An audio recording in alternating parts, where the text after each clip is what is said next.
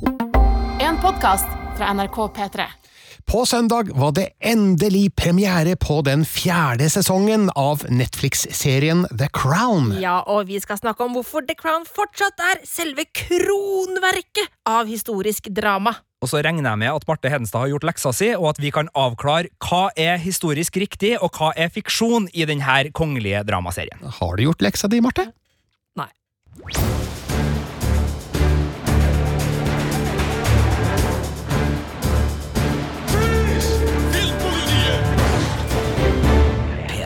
Velkommen til Filmpolitiet her i studio, Birger Vestmo. Marte Hedenstad. Og Sigurd Vik. Og det skal altså, som du nettopp har hørt, handle om fjerde sesong av The Crown. Your Majesty, I think we have enough respect for one another personally to ask ourselves some of the bigger questions, woman to woman. We are the same age after all. Really? Just six months between us. Oh? And who is the senior? I am. Helt fra den første sesongen har The Crown vært en prestisjeserie for Netflix, og da du anmeldte den på P3 og Filmpolitiet, Marte, så tyda det på at eh, de slipper ikke kvaliteten heller i den fjerde sesongen. Nei, det er jo fortsatt den dyreste serien til Netflix, eh, og det syns både i alt fra valg av skuespillere til produksjonsdesign, eh, bare hvordan Altså, kameraføring og alt er liksom den, de ytterste liksom fingerspissende kvalitet, da. Eh, Du føler at dette her er dyrt når du ser på det. Ja, og det er- er ikke alltid at eh, altså, dyre ting er kvalitet, men det er det i dette tilfellet, altså. Det er noen scener i de første fem episodene som jeg har sett så langt, eh, der jeg får litt sånn hakeslepp og lurer på hvordan i all verden har de hatt råd til å lage det her, eller lurer de oss med noen ganske kløktig utpønska filmtriks? det er nok sikkert litt filmtriks, men altså, hva var det den kosta i uh Nå husker jeg ikke i farta hva det var, men det var rimelig mange dollar, eh, millioner dollar per episode. Lurer på om det kan det stemme at det var sånn 11 millioner dollar per episode? Det kan stemme. Jeg mener Ja. å huske at uh, Game of Thrones lå på 12 millioner per Ja. episode, og det, det er jo i det sjiktet. Ja. Og, og da serien kom i 2016, så var det jo veldig stort fokus på at nå skal liksom Netflix åpne uh, hva er lommeboka på fornem engelsk? Portemone. Mm, Uh, altså et eller annet der, og, og virkelig drysse utover. Og den ble jo også kalt Crownton Abbey, uh, på litt sånn spøkefullt under oppladninga fordi at den var jo designa for å ta det store den store fanskaren som Downton Abbey da hadde skapt, med liksom upstairs, downstairs og det herskapelige og Mm. det flotte, og liksom de som var uh, så opptatt av kostymer og pomp og prakt, samtidig som man skulle bake inn de historisk interesserte, de som uh, er opptatt av krigen, kongehus osv. Så, videre. så det er jo ingen unnskyldning for å ikke gjøre det her veldig bra, sånn egentlig. Og det gikk jo da rykter om at eh, Netflix hadde tenkt å kutte en sesong av The Crown, slik at sesong fem skulle bli den siste. De har heldigvis kommet på bedre tanker, slik at det skal bli seks sesonger. I den eh, tredje sesongen tok Olivia Colman over rollen som dronning Elizabeth fra Claire Foy, som da spilte eh, kronprinsesse og dronning Elizabeth i de to første. Hun spiller samme rolle i sesong fire, Olivia Colman altså, men eh, det er vel ikke til å komme ifra at hun blir på en måte overskygga i den sesongen her, Marte? Hun gjør det, eh, fordi den sesongen her, den tilhører to andre kvinner, og det er eh, Den ene er da Gillian Anderson som Margaret Thatcher, eh, og så har vi da Emma Corrin som selveste Lady Diana. Ja, Vi har venta litt på at spesielt eh, Diana skulle eh, komme inn i serien, men eh, da jeg så Gillian Anderson som Maggie Thatcher i starten av sesong fire, så slo det meg at ja, men det her kommer også til å være en veldig viktig del av denne sesongen. Hvorfor det? Absolutt, det er jo hun som rammer inn selve denne sesongen her. Hun er den første kvinnelige statsministeren til Storbritannia, eh, og hennes statsministerskap, altså fra 1979 til 1990 er det vel, eh, er, er den epoken da, som vi befinner oss i, eh, og vi følger eh, den fra start til slutt.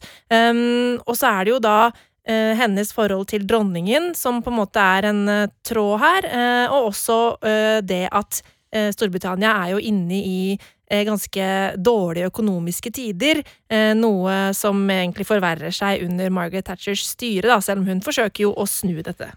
Jeg er litt eh, spent, Birger, for du har vel også sett den filmen som kom om Margaret Thatcher som het Jernkvinnen, som eh, var på kino. Når var det den hadde det, Ja, det husker jeg ikke. Jeg har også sett den, er lenge tidligere, siden. Ja. Ja. Uh, hvordan er liksom Margaret Thatcher-vibben, syns du, i The Crown versus eh, den Meryl Streep-versjonen som vi fikk i Jernkvinnen? Det blir jo veldig naturlig å sammenligne de to rollene, da. Jeg er veldig fascinert av eh, Maggie Thatcher sånn generelt, tror jeg, fordi hun var en så polariserende figur. Høyt elska av de langt ute på den konservative høyrefløya i England, og dypt hata av stort sett alle andre. Og det syns jeg jo vi ser eh, godt i både Jernkvinnen og eh, The Crown. Eh, Vi får liksom forklart i både den filmen og i denne sesongen av The Crown da, hva som drev hun, hva som lå bak hennes politiske engasjement, hvorfor hun var så hard og firkanta og eh, bestemt. Og så syns jeg det er litt kult òg, sjøl om man må jo ikke være nødvendigvis enig i hennes politiske syn, men eh, det at en kvinne tør stikke seg så langt frem i et totalt mannsdominert miljø, da, som britisk politikk var i den epoken, så får man litt respekt også for eh, måten eh, hun trer inn i det politiske landskapet på. Og jeg syns både Meryl Streep i filmen og Gillian Anderson i denne sesongen gjør veldig gode jobber med å kanalisere Maggie Thatcher, slik vi som er gamle nok, husker hun fra nyhetsbildet fra den gangen da.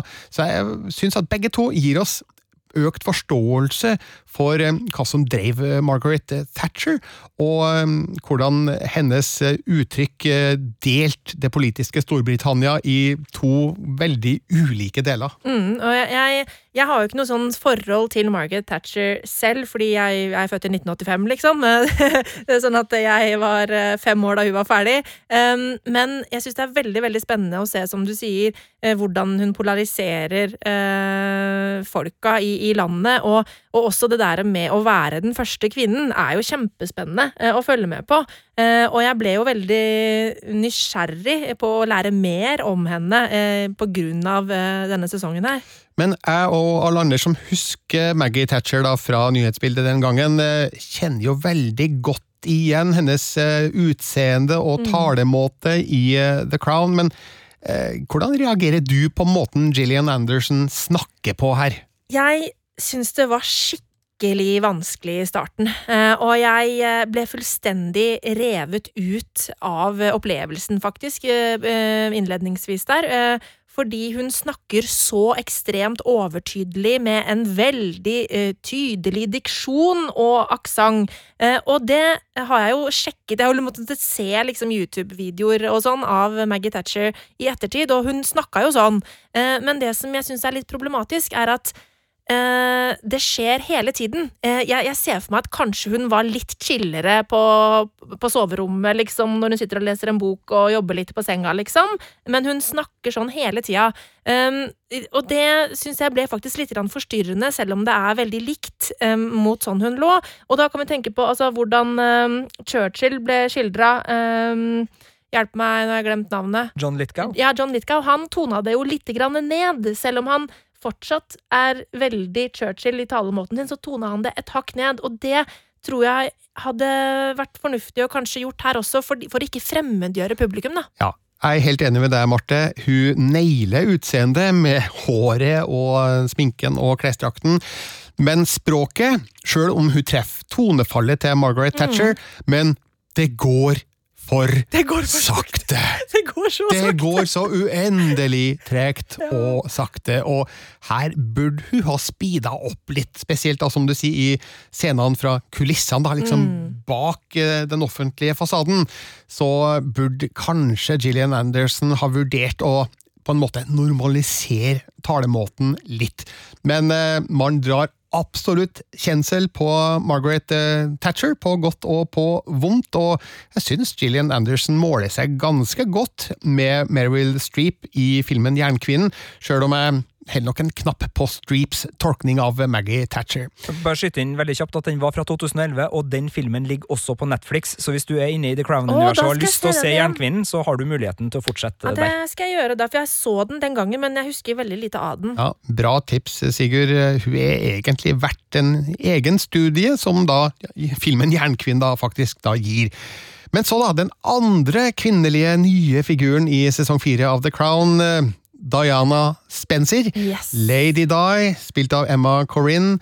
Og eh, vel, du har kanskje litt større kjennskap til Diana enn Maggie Thatcher? Absolutt. Jeg husker jo veldig, veldig godt eh, hvor jeg var eh, da nyheten om at Diana døde kom.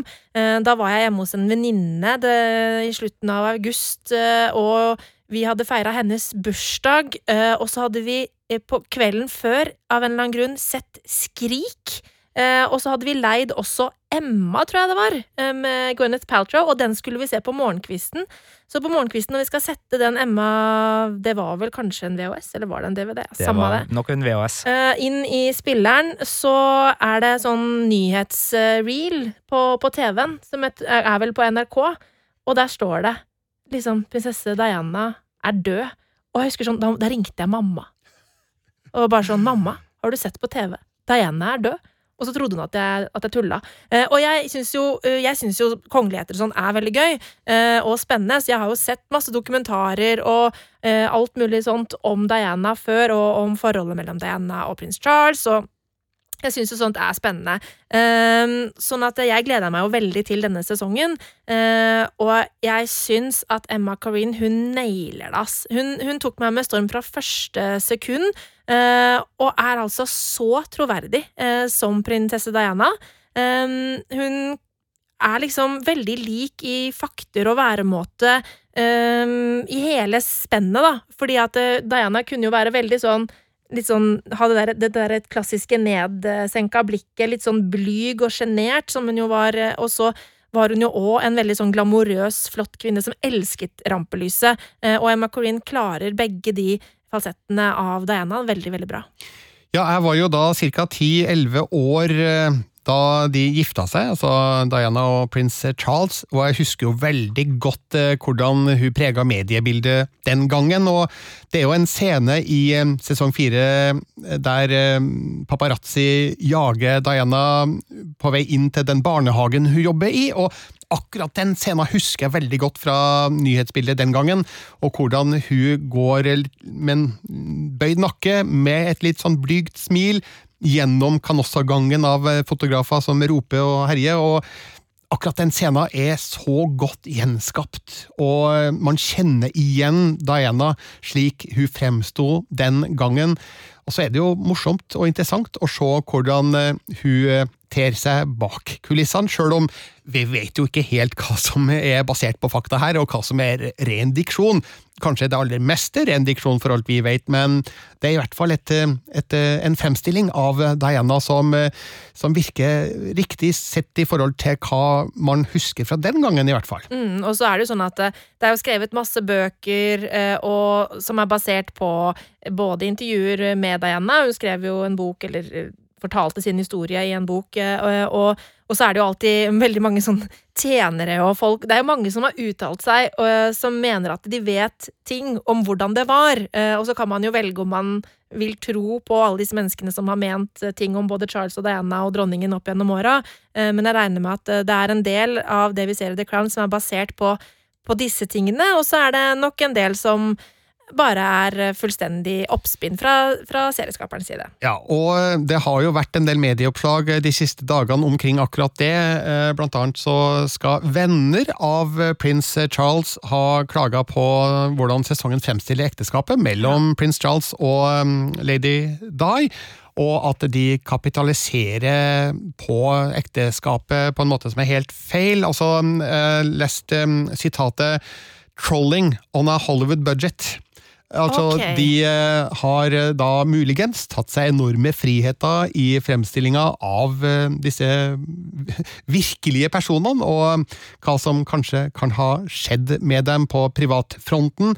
Og det her er jo ting som serieskaper Peter Morgan ikke kan ha visst så mye om. Vi vet jo ikke helt hva, slags research han har gjort, eller hvilke kilder han har, men det er jo en av utfordringene en slik serie har, da. I hvilken grad skal den eh, bygge videre på historisk kjente faktum, og, eh, og kanskje dikte fritt basert på de? Altså, hvor går grensa mellom å å fremstille noe som har en kime av sannhet i seg, før det blir eh, ren fantasi. Ja, eh, og det syns jeg er litt interessant at, eh, at Charles sine venner har reagert, fordi opp gjennom åra så er det jo ikke noe hemmelighet at han har blitt fremstilt ganske kjip mot Diana i det forholdet der. Og nå er det sånn at pressen og sånn også har forsøkt å på en måte uh, villainize Diana ved at hun også hadde elskere og sånne type ting.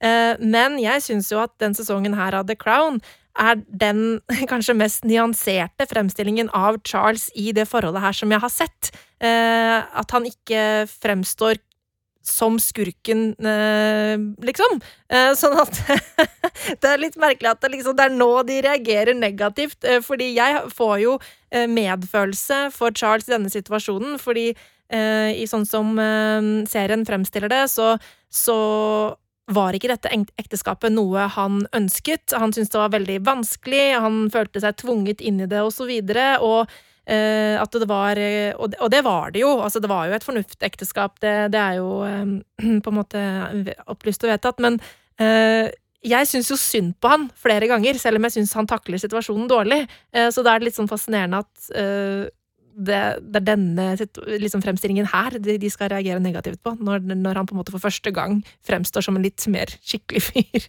Men det er jo en ting som eh, gradvis vil eh, bli en større og større utfordring for The Crown, eh, hvis man skal se sånn på det. Altså, da uh, sesong én kom, så handla det om en tid som ligger så langt tilbake for vår mm. egen at det selvfølgelig er folk som er i live, men det er få sannhetsvitner fra den tida som på en måte har muligheten til å stå fram i media og, og si at Eh, jeg var der, sånn var det ikke. Så da er liksom det historiske materialet som da historikerne som jobber med The Crown, for jeg har i hvert fall hørt at de, de har egne historikere som de bruker i, i researchen, altså da står man eh, bortenfor den kritikken, mens etter hvert som man nærmer seg vår tid, og det er flere og flere og flere som både husker og mener og kanskje har egeninteresser videre, vi skal ikke spekulere i motivet her, men man er i hvert fall i en verden da som har eh, der mengden av stemmer øker for hvert uh, skritt uh, The Crown tar mot vår egen tid.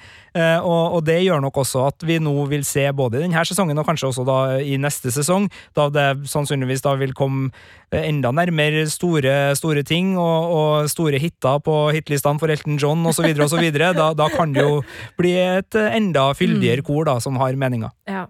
Nei, det er veldig fascinerende og interessant, og det gjør jo at jeg merker jo at uh, jo nærmere de kommer vår tid, jo mer spennende syns jeg jo det er. ikke sant? Uh, selv om jeg syns jo de tidligere sesongene òg har vært veldig interessante, men, uh, men, nå blir det liksom litt ekstra fordi at det ligger nærmere nåtida. Ja, for nå kommer det ting og hendelser og personer som vi husker mm. fra vår egen oppvekst, som vi har et forhold til, og som vi kanskje har lurt litt mer på enn hva som skjedde på 1930 30-tallet, liksom.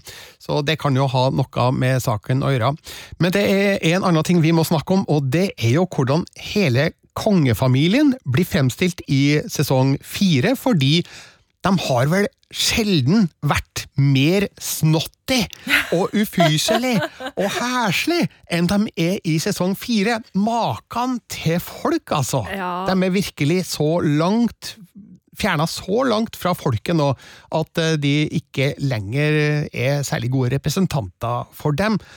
Rike, privilegerte bastards, altså. Ja, og det kom jo virkelig frem i den episoden som heter The Balmoral Test. Uh, eller nei, det er ikke den episoden jeg mener. Jeg mener Margaret Thatcher sin Balmoral Test. For Balmoral, det er jo da uh, altså jaktslott slottet eh, dronninga og co. har i Skottland. Ja. Eh, og da er det en tradisjon at eh, alle statsministre må komme og tilbringe en helg der for å liksom lære dronninga og familien å kjenne. Og det går jo ikke spesielt eh, bra for eh, Maggie. Nei, det gjør ikke det. episoden heter faktisk eh, The Balmoral Ja, Test. det, ja, Okay, ja, for det, det, jeg trodde det var den med Diana. For det er flere tester ute og gå, hun må også testes. Men hun besto jo den testen med glans. Ja. Men eh, måten de har en sånn indre sirkel på, som er helt ugjennomtrengelig for utenforstående, er jo ganske påtagelig, og det er jo en scene i en senere episode, var det episode fem, mon tro, der um, kongefamilien, eller dronningfamilien må man kanskje si, eh, skal møte folket. Og uh, bare hvordan de tar på seg hansker før de skal ned og berøre allmennheten, er jo ganske slående og betegnende. og hører jeg liksom gjennom hele sesongen så langt, da, etter de fem første episodene, at de, de snakker ikke om sine undersåtter på spesielt positivt vis. Nei, de gjør ikke det. Hver gang før de skal møte noen, så må de liksom dobbeltsjekke med de som arrangerer og orger at ja, nei, det er ikke noe, vi må ikke prate med dem, nei. Eh, Det er bare hilsing, sant? Eh, De er veldig langt unna, unna folket sitt. eh, og og det er jo noe som gjør, i hvert fall i serien, Margaret Thatcher rimelig forbanna, fordi hun mener at på en måte den, ja, den øverste monarken da, i, i landet er eh, ikke, aner hva hun, hva hun driver med, på en måte. Eh, Men derfor syns jeg jo det er en episode som jeg vet eh, vi snakka litt om i stad før vi gikk inn i studio her, eh, Birger, som er veldig, veldig interessant. eh, Når da dronninga faktisk får eh, et veldig nært møte med en person som eh, har noe han vil si om landet. Ja, det her er jo en faktisk hendelse som jeg husker fra mediebildet den gangen, når eh, Michael Fagan eh, bryter seg inn på soverommet til dronninga, sitter der i ti minutter, og hva de eh, diskuterte sammen på ordentlig, vet vi vel helt ikke, men vi får i hvert fall en versjon da i denne episoden som viser de enorme kontrastene i England mellom eh, den eh, fattige, arbeidsløse Michael Fagan og monarken på topp med alle sine rikdommer. Og nå ja, det, det er ikke noe spoiler, kanskje, men eh, det er noen bilder i slutten av den episoden som tyder på at eh, de har kanskje vært i kontakt med den virkelige Michael Fagan. Jeg har ikke gjort, eh, gjort undersøkelser på det her, men ser jo for meg at kanskje har serieskaperen vært i kontakt med Michael Fagan, og muligens fått hans versjon av hva som egentlig foregikk der. Det vet vi ikke, men det er en veldig fin episode da, som beskriver ulikhetene eh, i Storbritannia og ellers i verden, og hvor langt unna hverandre de står. Hvor lite dronning Elisabeth egentlig veit vet om de som er lavest på den sosiale rangstigen. Igjen, sånn som serien skildrer det, det er mulig at den virkelige dronning Elisabeth har full oversikt for alt jeg jeg vet. Eh, Men eh, vi må jo bare da gå ut ifra at eh, serien har en viss grad av diktning, da, som sagt, basert på faktiske hendelser. Eh, Et annet godt eksempel på det er jo i eh, episode fire, der eh, Margaret Thatchers sønn Mark Thatcher, mm. Thatcher forsvinner under Paris-Dakar-rallyet i 1982. Samtidig som Storbritannia blir dratt inn i krig med Argentina over Falklandsøyene. Og i den episoden så virker det jo som at det som skjer med sønnen, at sønnen forsvinner, har en direkte påvirkning på Margaret Thatchers eh, eh, insistering på at de skal gå til krig med Argentina. Men i virkeligheten så skjedde jo det her nesten et halvt år fra hverandre. Og det provoserer meg så mye at han velger å putte akkurat de to hendelsene eh, sammen, fordi da virker det som at, som du sier, at eh, Maggie Thatcher liksom reagerer fordi at eh, 'noen må jo hjelpe sønnen min', og så overfører hun det til Falklandsringen. 'Noen Ja. må jo eh, handle'!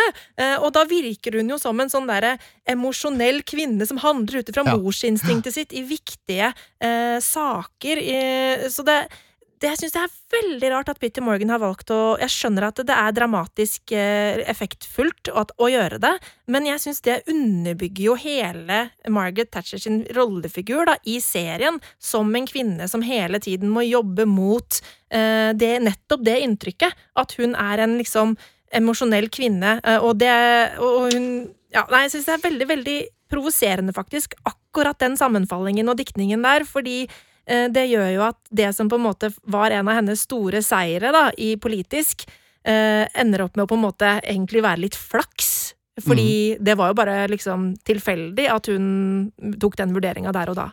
Men det er jo andre ting i serien som man kan tenke Hva skjedde egentlig det? Men som faktisk da har skjedd. Eksempel et attentat i episode én. Eh, Det er mm, også et eh, ganske kleint restaurantmøte i episode fire. Mellom, vi kan vel si det, mellom eh, lady Diana, eller hun var vel bare Diana da, og Camilla Parker Bowles, mm. som jo da alle vet er prins Charles' egentlige store kjærlighet. Og når man ser det, så tenker man ja, ja særlig at det skjedde, men det skal visstnok ha skjedd i, i det virkelige liv. og eh, jeg leser på internett, der alt er sant, at eh, kafeen de møttes på eh, heter da Menage à Trois. Ja. Og det er nesten for godt til å være sant. Det er, det er faktisk Det er helt sjukt. Uh, uh, Min, min rustne fransk må bare spørre, er det sånn trekant uh, Ja. ja, ja, Ja, ikke sant? Nemlig. nemlig ja. um, men eh, ja, det er altså en blanding her av eh, skulle jeg si, fleip og fakta, eller Mm. Eh, fakta og fiksjon, da, som eh, jo er vanlig for denne typen serier, og som The Crown har gjort i alle sine fire sesonger, egentlig. Ja. Men det blir jo veldig merkbart nå, da, når vi nærmer oss vår egen tid, og vi har eh, et mye større sammenligningsgrunnlag da, å komme med. Men der må jo Peter Morgan og co. være forsiktig, så de ikke beveger seg altfor langt unna det faktiske grunnlaget. Men jeg blir litt nysgjerrig her, fordi eh, det er jo som du er inne på, det her er den fjerde sesongen, og hvis man tar da The Crown fra eh, 2016 og fram til i dag, så var det spesielt det dere snakka om med, med forholdet mellom de kongelige og folket. For det har jo ligget her hele tida, og jeg skal tilstå at jeg har ikke rukket å sett The Crown sesong fire enda, eh, men eh, jeg syns jo ikke det var så påtagelig i sesong én og sesong to. Altså at jeg merka at det var en distanse i relasjonen mellom de kongelige og folket som ble gjort noe poeng ut av. Eh, Er det fordi at serien har dreid fokus mot det, eller er det fordi at det har skjedd noe med de kongelige, føler dere, som gjør at de kongelige nå er distansert på en annen måte mot folket enn de var? Og da tenker jeg litt sånn upstairs, downstairs-vibba, og, og hvordan man ser på det. For det har jo vært mange brudd. Imperialismens Nei, altså det britiske imperiets fall på 60-tallet, osv., osv. Jeg tenker at det har litt med seriens fokus å gjøre. Um, jeg opplever at uh, dronningrollene også er skrevet litt ulikt. Uh, de er ikke bare spilt ulikt pga. at det er forskjellige skuespillere. De er også skrevet ulikt, uh, kanskje for å få frem ulike sider av sånn man kanskje kan se for seg at dronningen og hennes familie er. Og at på en måte de forskjellige sesongene har fokus på ulike ting. Det er i hvert fall sånn jeg har tenkt, da, og at de forskjellige på en måte epokene med skuespillere øh, og dronninger, holdt jeg på å si, har fokus på ulike ting. Um, altså sånn, sånn som Olivia Colman er en veldig annerledes dronning enn det Claire Foy var. Um, begge to er bra, men de er veldig ulike hverandre, syns jeg. Uh, de kunne egentlig vært to helt forskjellige mennesker. Mm. Det kan òg være en forklaring at eh, det britiske samfunnet har uh, endra seg kraftig de siste tiårene, eller i de tiårene serien har, har, har vist, mens eh, kongehuset ikke har gjort det. De holder på de tradisjonelle verdiene, og samtidig har medietrykket økt betraktelig på de, slik at det er kanskje derfor de har en slags mur mellom seg da, og resten av samfunnet, som bare har økt i høyde da, opp gjennom året, at det kan være en medvirkende årsak da, til at eh, avstanden har blitt større til folket enn det den kanskje var da, da The Crown starta. Eller at kanskje den er mer synlig nå, den avstanden, enn den var før. Ja.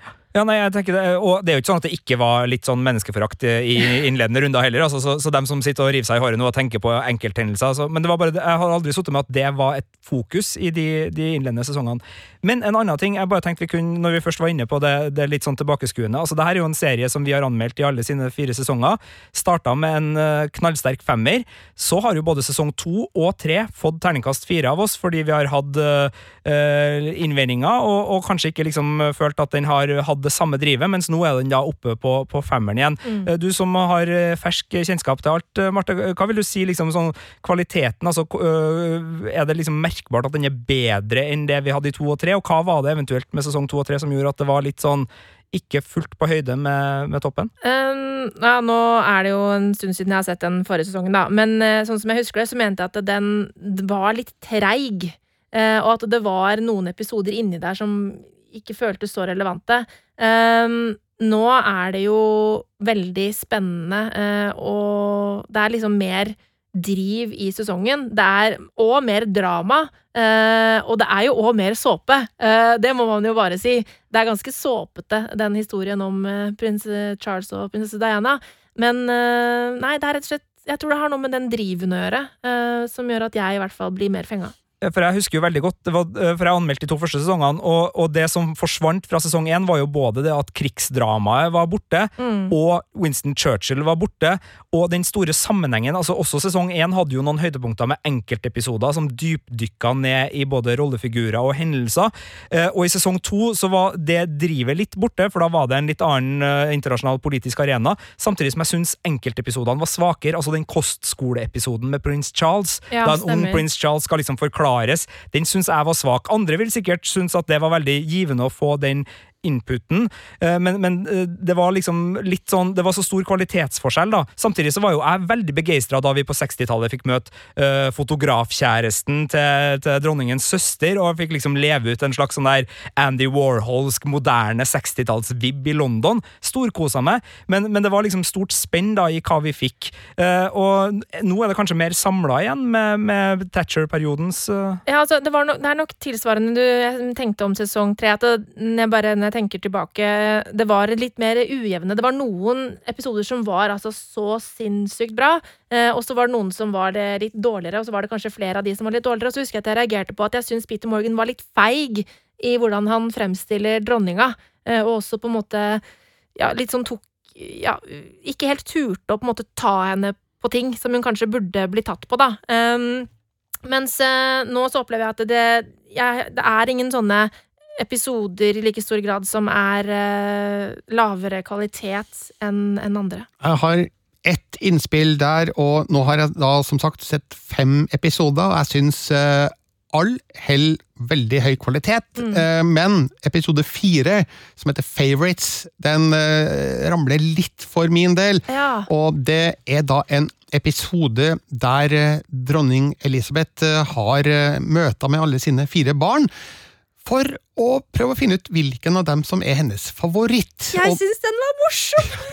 men det her kommer da etter at uh, Margaret Thatcher gladelig innrømmer helt naturlig at uh, Mark Thatcher, uh, hennes ene barn, er hennes favoritt. Og hun lurer på hvordan i verden noen kan ha ett av sine barn som favoritt. Eh, og jeg syns bare at den hele historien virker litt konstruert. Ja, den er nok lite grann konstruert eh, for at eh, vi skal få en viss prins Andrew inn i bildet her.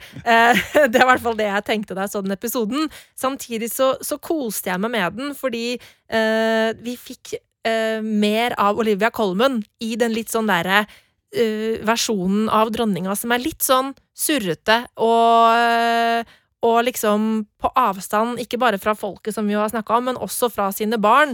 Altså liksom Hun må på en måte få sekretæren sin til å sette opp en liste med hobbyene til de ulike barna før hun skal møte, sånn at du vet hva hun skal snakke om. Eh, og dette her er jo sikkert bare fri diktning, men jeg syns, det, jeg syns den var morsom. Eh, og så liker jeg jo veldig godt samspillet mellom Kolmen og godeste prins Philip. eh, Tobias Mensis. Tobias Mensis. eh, han er jo den beste uh, Filippin så langt, syns jeg. Ja. Um, så jeg, jeg koste meg med denne episoden, men jeg, men jeg kan forstå eh, hvorfor du på en måte kan trekke inn den som en litt eh, ja, eh, rar episode. Den viser jo i hvert fall da et bilde av eh, hvor vanskelig det kan være å ha et eh, sterkt inderlig forhold til sine barn når du er dronning av eh, Storbritannia.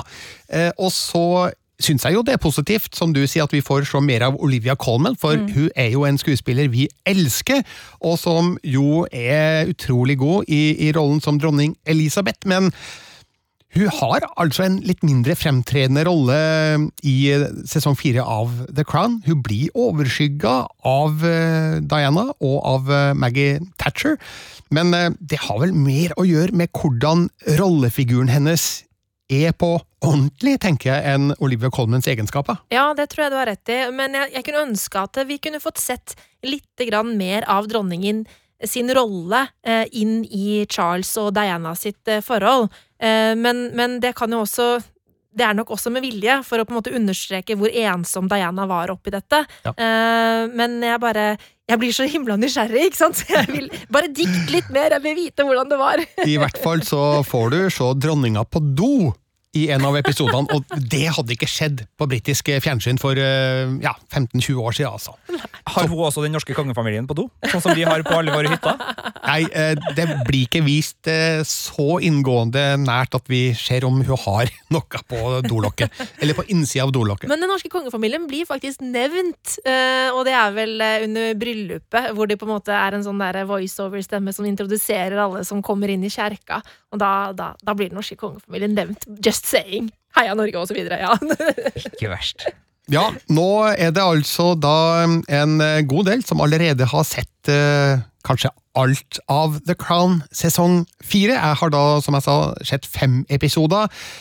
Alt ble lagt ut på Netflix eh, sist søndag, men her kommer vi jo da til et interessant spørsmål. Eh, Vil vi fremdeles binche en så stor, ambisiøs og kostbar serie som The Crown, eller er det bedre å få servert én episode i uka? Har du noen synspunkter på det, Sigurd? Nei, men det er et veldig betimelig spørsmål, fordi eh, nå er det stort sett Netflix som tilbyr binging igjen. Altså, eh, da de kom eh, til, til oss da i 2012 med House of Cards og Orange is the New Black og en del av sine store serier, så var jo ikke binging nytt, for vi hadde jo DVD-bokser, men at det ble sluppet på den måten var nytt. Og så har mange tatt etter.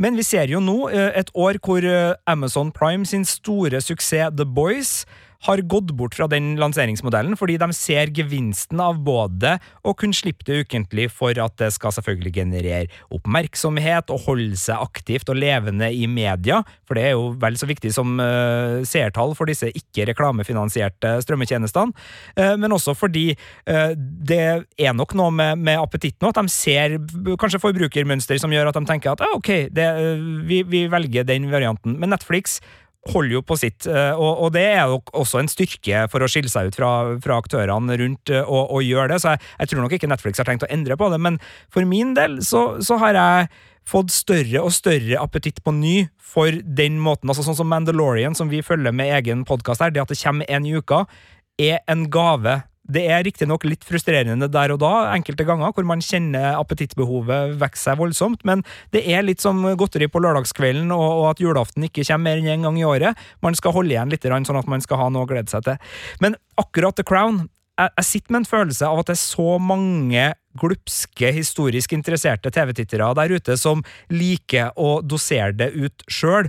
Og uh, The Crown sin store fordel kontra veldig mange andre serier er at den har en sånn gjennomslagskraft som gjør at den holder seg aktuell gjennom kronikker, gjennom historikere som skal mene om det er sannsynlig, det er sannsynlig, venner av Charles som skal mene det her har ikke skjedd sånn som altså, så, så den serien er ikke avhengig av og bare liksom engasjere i seg sjøl med si historie. Den har så mange eksterne faktorer som er med å bidra. Så jeg tror akkurat den serien her kan uh, slippes sånn som den gjør, og leve godt, men jeg personlig blir mer og mer glad i, i de ukentlige. Jeg vet ikke om det er noe dere deler? Nei, altså, jeg er litt revet mellom to ulike standpunkter her. Jeg liker jo godt å binche serier som jeg ramler over, men de her prestisjeseriene som vi kanskje har venta på, og som vi har et sterkt forhold til, og som krever litt fordøying, kan gjerne komme med en episode i uka, og da inkluderer jeg The Crown der. For det her blir jo som å blir servert en tolvretters gourmetmiddag, og så glefser du i deg alt på 20 minutter. Altså, eh, Du får ikke tid til å fordøye den ene episoden før du går rett over i den andre. Altså, Nå har jeg sett fem episoder på fire dager, og det syns jeg var litt i overkant, egentlig, fordi eh, jeg syns at serier som The Crown har godt av å få ligge og kverne litt i bakhodet før du får neste del. Så det skal bli spennende å se om Netflix holder på denne modellen sin eh, videre, eller gjør som nærmest all andre nå, kom med en episode i uka. Hva syns du, Marte? Eh, altså, jeg binsja jo alle ti eh, fordi jeg så det jo for å anmelde det, og da, da blir det jo sånn. Um, men eh, jeg også har blitt mer og mer glad i at ting kommer en gang i uka.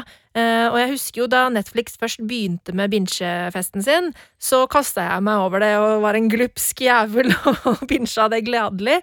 Uh, og jeg gjør jo det fortsatt. Det hender jeg Altså, det som er med meg, er at hvis jeg har det tilgjengelig, så binsjer jeg det.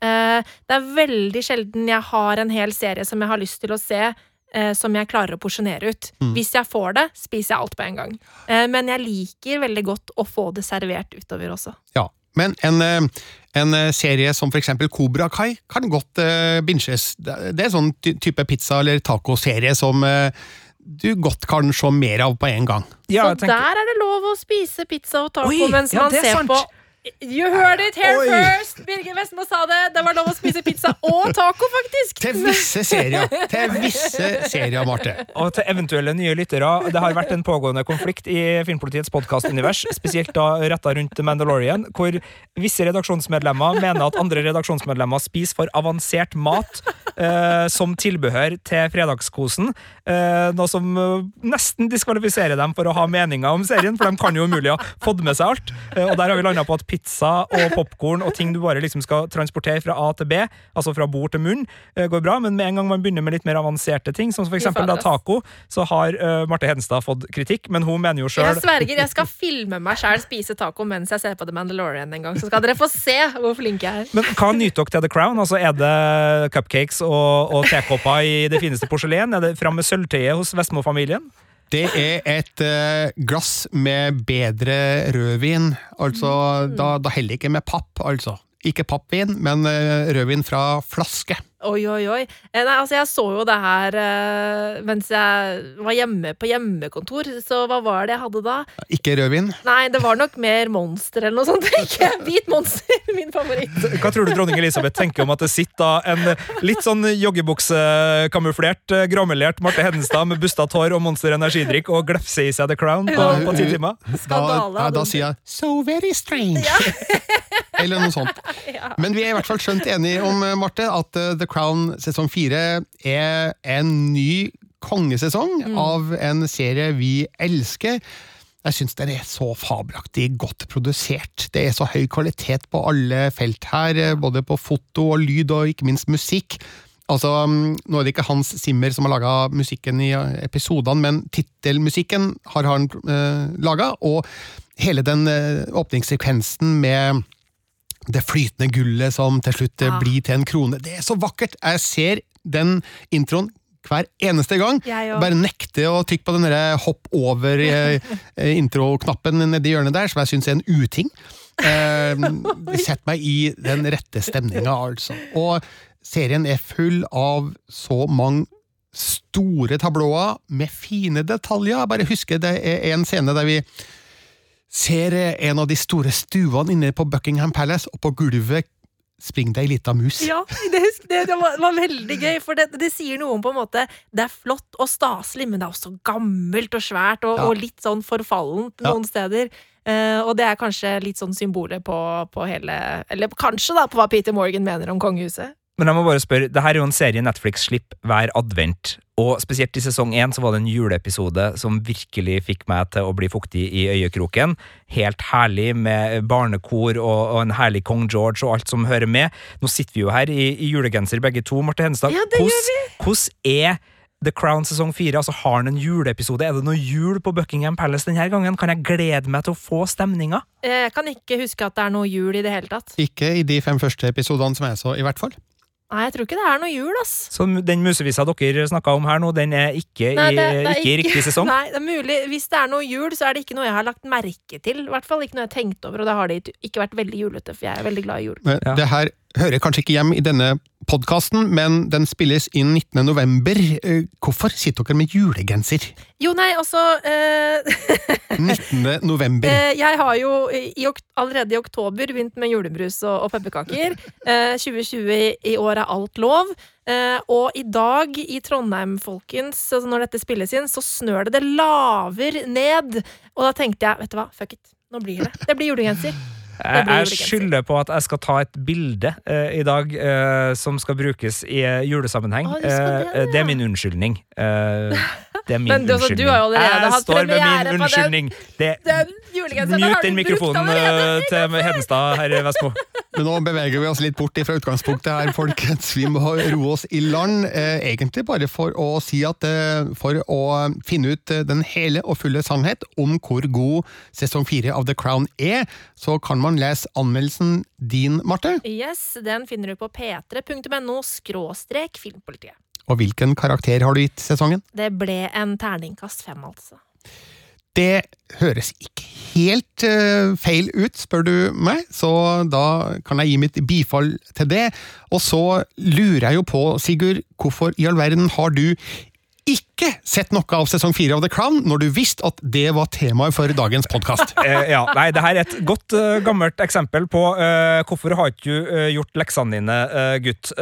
det er to grunner. Uh, det ene er ei god unnskyldning, og det andre er ei dårlig unnskyldning. Uh, hva vil dere ha først? Jeg vil ha den gode unnskyldningen først. Den gode unnskyldninga at vi driver også med en podkast som heter The Mandalorian-podkasten til Filmpolitiet. Ja. Der er det sju sesonger med Clone Wars og fire sesonger med Rebel som jeg ikke har sett. Så for å se meg opp, for å være à jour og oppdatert og informasjonsrik til vårt andre store uh, podkastprosjekt om den fantastiske terningkast 5-serien The Mandalorian, så har jeg via kveldene mine til Clone Clone Wars. Og den dårlige unnskyldningen? Jeg oppdaga at jeg hadde ikke sett ferdig sesong tre, eh, så det ble plutselig en litt større oppgave enn det jeg trodde jeg hadde foran meg. Og Jeg skjønner ikke hvorfor jeg ramla av sesong tre. Jeg likte jo, men på et eller annet tidspunkt Jeg bare gikk inn og trodde at liksom sånn Jeg skal starte på sesong, episode én av sesong fire, ja, og, så bare, og så bare Nei, her er vi midt i sesong tre, ja. Nei, jeg må bare gjenta det jeg pleier å si. For mange serier, for liten tid. Det er vel kanskje en av årsakene til det, Sigurd, men velkommen etter når den tid kommer. Det er i hvert fall all grunn til å glede seg til sesong fire av The Crown. Og med det så setter vi punktum for denne podkasten. Vi har altså en podkast til, som du nevnte, Sigurd. Vi slipper ny Mandalorian-pod hver mandag. Vi er på lufta hver søndag på P3 fra klokka 12 til 15, og så finnes alle våre anmeldelser på Filmpolitiet sine sider, p3.no Filmpolitiet må jeg si sånn slash og det, punktum og sånn? Folk skjønner det. Folk skjønner det. Ja, vi kan også finnes på sosiale medier. Ja, søk oss opp på både Twitter og Instagram. Filmpolitiet. Da finner du oss, eh, så det er veldig koselig om du gjør. Og send oss gjerne en e-post, da, enten du har Mandalorian-fanteorier, spørsmål eller tips eller ros eller ris. Filmpolitiet alfakrøll nrk.no. Og vi som har vært her i dette deilige studioet i dag med hver vår konge- eller dronningkrone på, er Birger Vestmo. Marte Hedenstad. Og Sigurd Vik.